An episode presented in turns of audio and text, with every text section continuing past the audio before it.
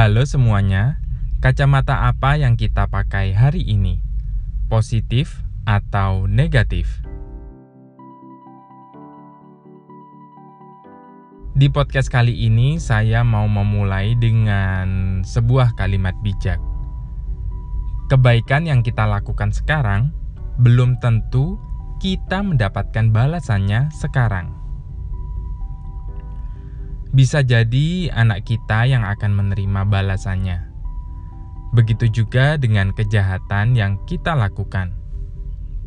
Mungkin saat ini kita tidak menanggung akibatnya atau mendapatkan balasannya, tetapi bisa jadi anak kitalah yang menanggung dari apa yang kita lakukan. Contohnya seperti ini: papa saya, ketika bekerja, dia memberikan pelayanan yang terbaik. Dia juga memberikan hospitality yang baik. Mungkin dulu waktu papa saya melakukannya, ya dia melakukan dengan tulus karena didikan dari orang tuanya. Dan tanpa ia sadari, ia sedang melakukan kebaikan yang nantinya akan dituai oleh anak-anaknya. Ya saya ini salah satu anaknya. Dan sekarang, saya sering menerima kebaikan dari orang-orang di sekitar saya.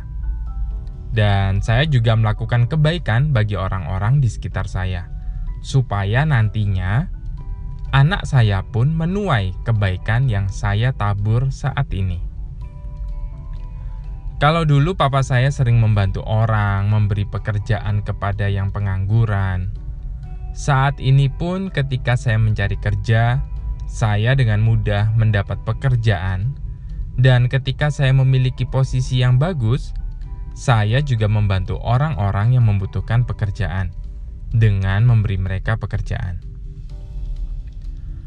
Tetapi kadang ada juga dari mereka yang tidak tahu terima kasih.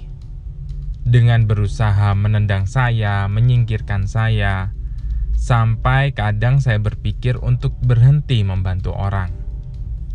Tetapi kembali lagi saya diingatkan untuk tidak berhenti dan tidak capek berbuat baik, meskipun mendapatkan balasan yang tidak enak.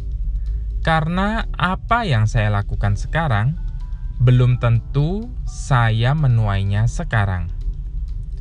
Bisa jadi apa yang saya kerjakan sekarang nanti yang menuai anak saya.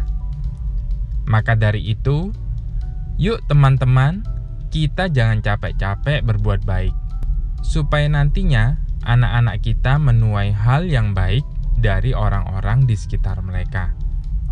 Terima kasih semuanya sudah mendengarkan podcast saya, dan sampai ketemu lagi.